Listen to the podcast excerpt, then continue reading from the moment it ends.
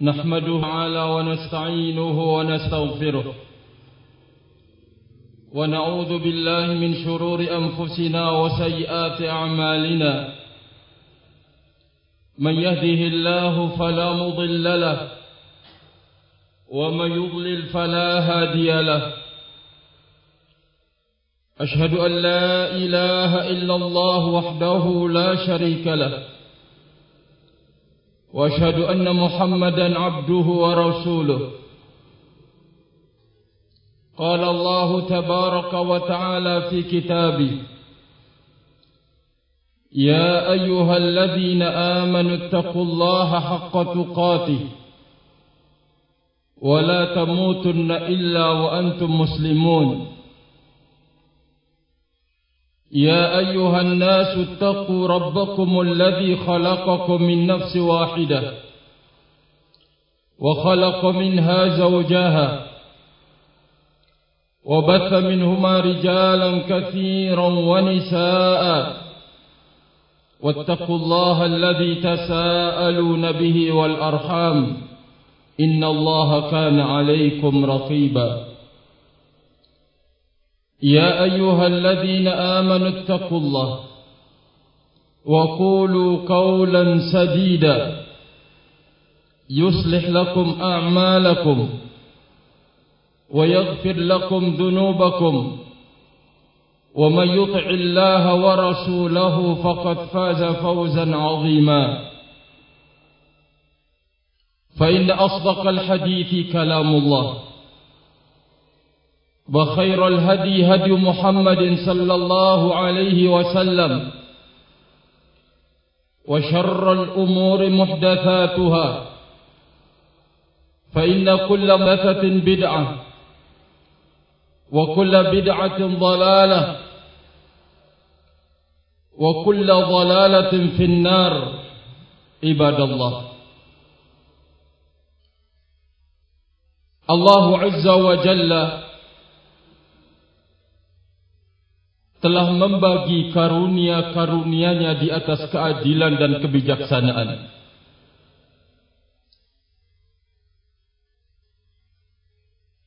Pembagian yang dibangun di atas ilmunya Sehingga tidak ada seorang pun dari makhluk ini yang merasa terzalimi atas pembagian Allah subhanahu wa ta'ala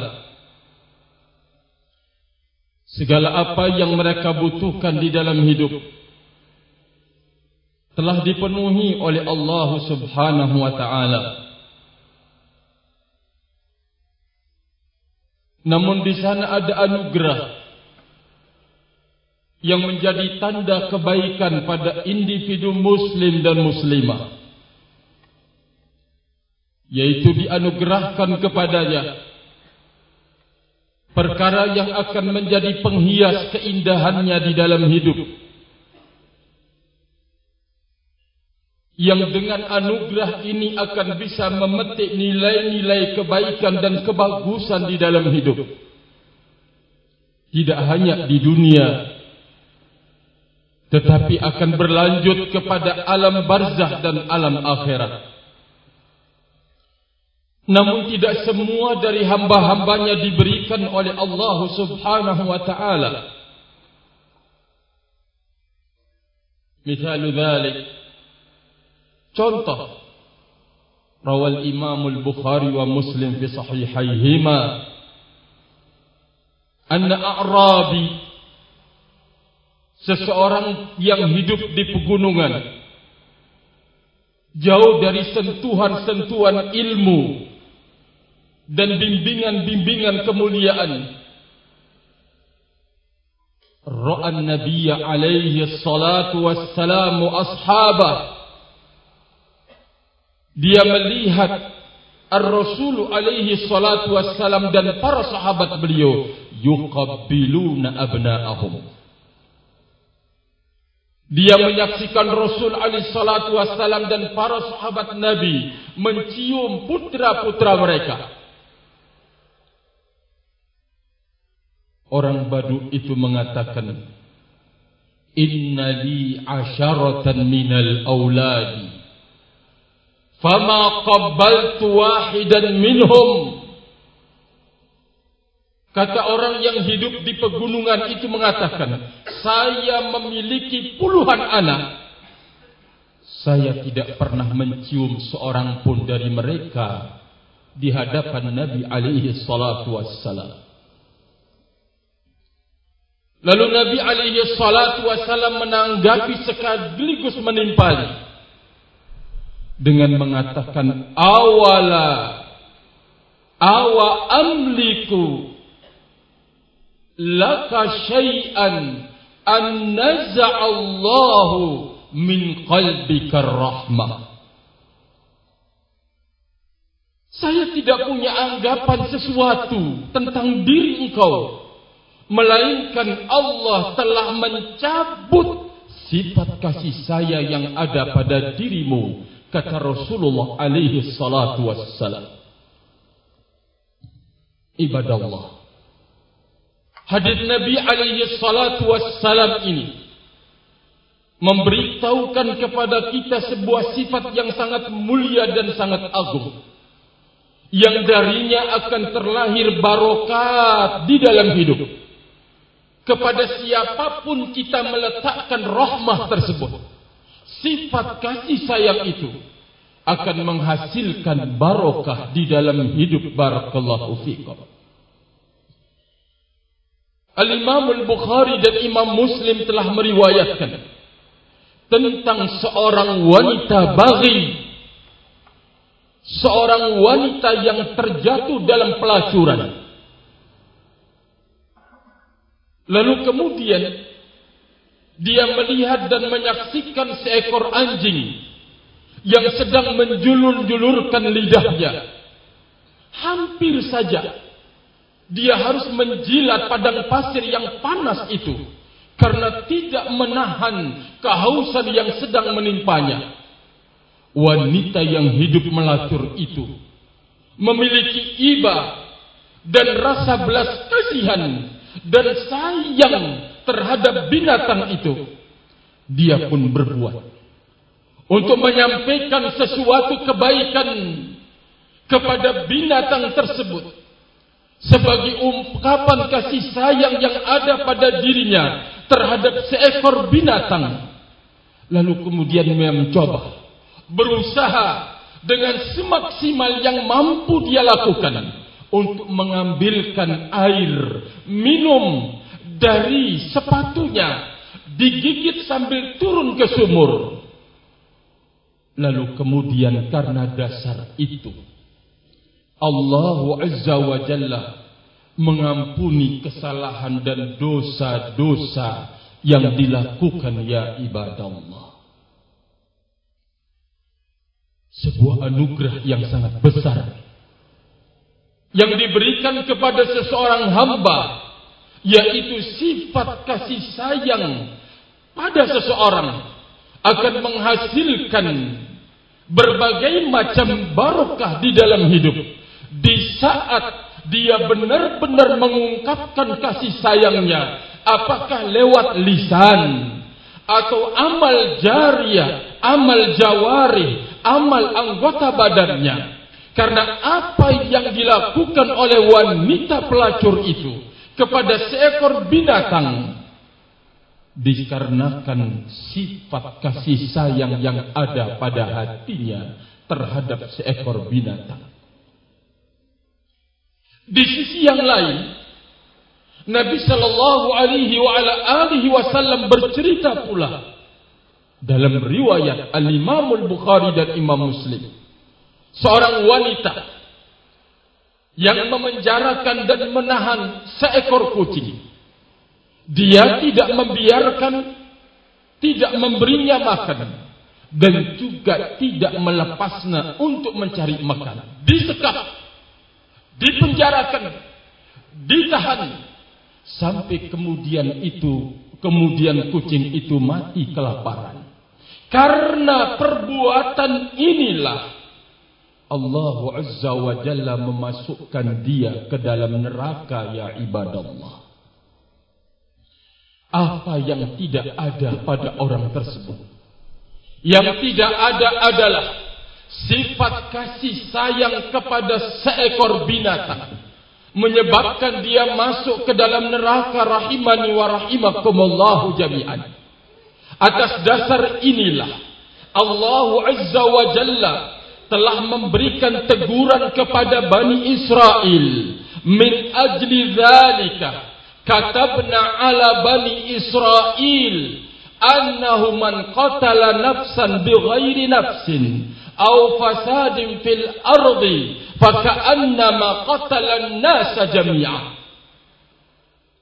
Oleh karena itu, kata Allah Azza wa Jalla, kami telah wajibkan dan putuskan kepada Bani Israel bahwa barang siapa yang membunuh jiwa dengan tanpa alasan yang benar atau melakukan pengerusakan di muka bumi seolah-olah dia telah membunuh seluruh manusia.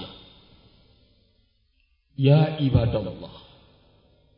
Ayat ini ma'asyiral muslimin memberitahukan kepada kita bahwa sikap kasar, sikap kaku yang tidak punya jiwa kasih sayang akan tega dia menghabiskan saudaranya menghabiskan kalau sekiranya bukan karena takut penjara atau mungkin karena takut dihukum mungkin telah habis nyawa saudaranya di tangannya.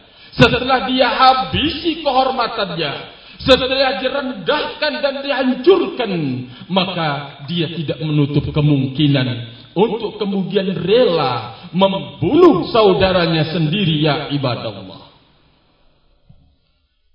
di saat Allah tidak memberikan sifat kasih sayang kepada seseorang.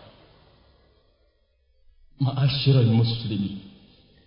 Maka dari sini kita tahu bahwa ternyata sifat rahmat apabila diletakkan di mana saja akan menghasilkan dan akan membuahkan nilai-nilai besar di dalam hidup barakallahu fikum. Allah Azza wa Jalla yaqul inna rahmatallah qaribum minal muhsinin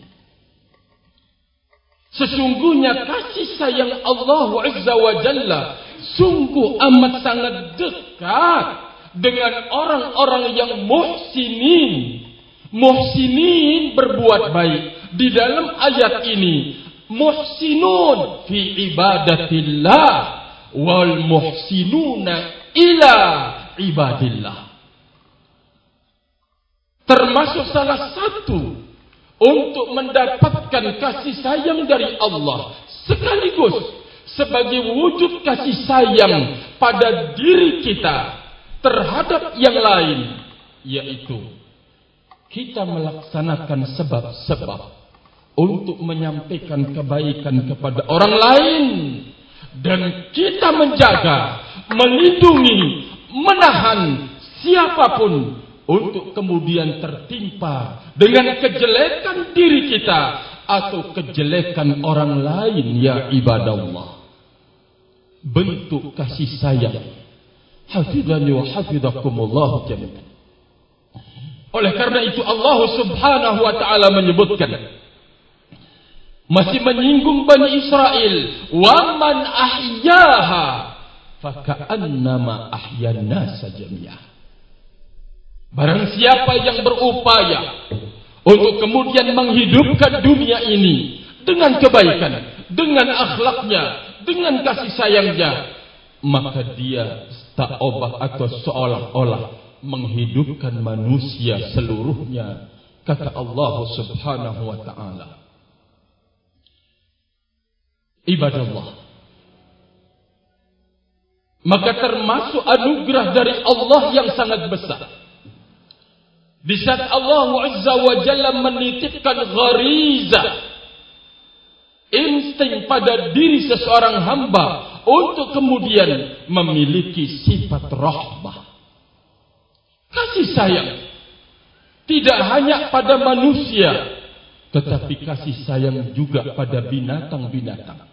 Dia berikan makan, dia berikan minum, Dia sayang tidak menyakitinya. Rahimani wa rahimakumullahu jami'an. Tapi di saat sifat ini dicabut ya ibadallah, maka akan memunculkan manusia yang beringat, manusia yang kasar, manusia yang kejam, yang tidak mendapatkan rahmat dari Allah Azza wa Jalla.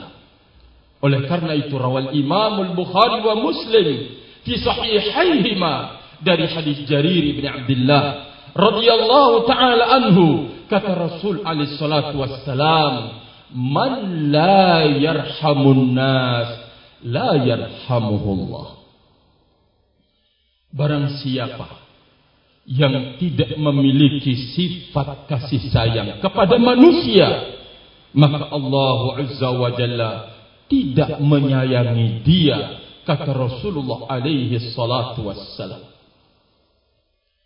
Bahkan Nabi alaihi salatu wassalam mengatakan ar-rahimun yarhamuhumur rahman irhamu man fil ardi yarhamukum man fis samai Orang yang punya penyayang dirahmati oleh Allah Azza wa Jalla.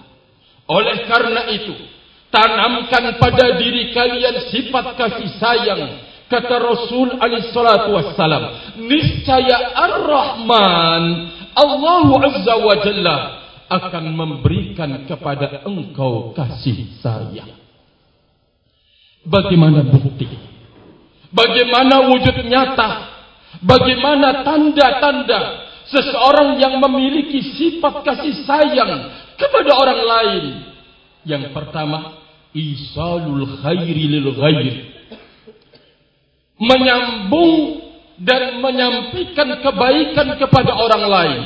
Bagaimanapun dan apapun tanggapannya. Selama itu adalah kebaikan. Maka dia mencoba untuk menyampaikan kebaikan itu bagaimanapun cara dan langkahnya dia menyampaikannya agar semua orang bisa mendapatkannya ya ibadah Allah maka ini bentuk kasih sayang yang ada pada seseorang. Upaya untuk menahan segala bentuk kejelekan untuk sampai kepada saudaranya. Walaupun mungkin dia harus berkorban berkorban kehormatan berkorban barakallahu fikum perasaan. Dia harus mendapatkan celaan dan cercaan demi menjaga dan melindungi saudaranya. Maka itu adalah bentuk kasih sayang kepada sesama. Bergembiralah engkau. Berbahagialah engkau bahwa Allah Azza wa Jalla akan memberikan membagikan menganugerahkan kasih sayang kepada engkau. Jikalau Allah Azza wa Jalla telah menyayangi seorang hamba dikarenakan sifat kasih sayang yang ada pada dirinya maka itu artinya keberkahan yang dibukakan oleh Allah Subhanahu wa taala pada diri seorang muslim dan muslimah. Rahimani wa rahimakumullah jami'an. Maka sekali lagi, mari kita bersama-sama untuk mewujudkan sebuah sifat yang sangat agung dan mulia di saat melihat anak kecil atau mungkin binatang, maka jangan sekali-kali kita suka menyakitinya atau mencelanya atau mencercaca atau mengganggunya atau mengolok-oloknya. Karena ini adalah kejelekan akhlak dan sifat yang tidak boleh muncul pada diri seseorang. Namun dia diperintahkan untuk menebar kasih sayang setelah dia menanamkan sifat kasih sayang pada dirinya.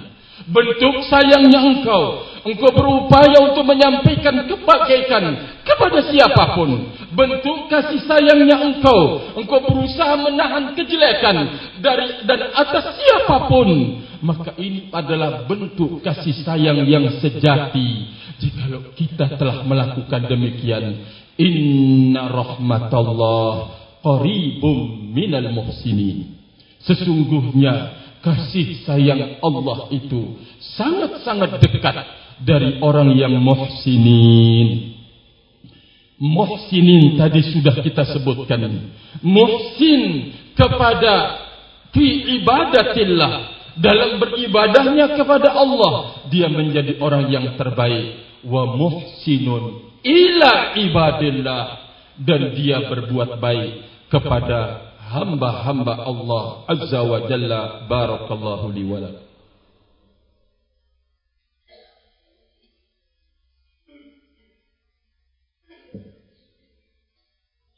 Alhamdulillah Wassalatu wassalamu ala rasulillah Wa ala alihi wa sahbihi wa mawalah amma ba'du Ibadallah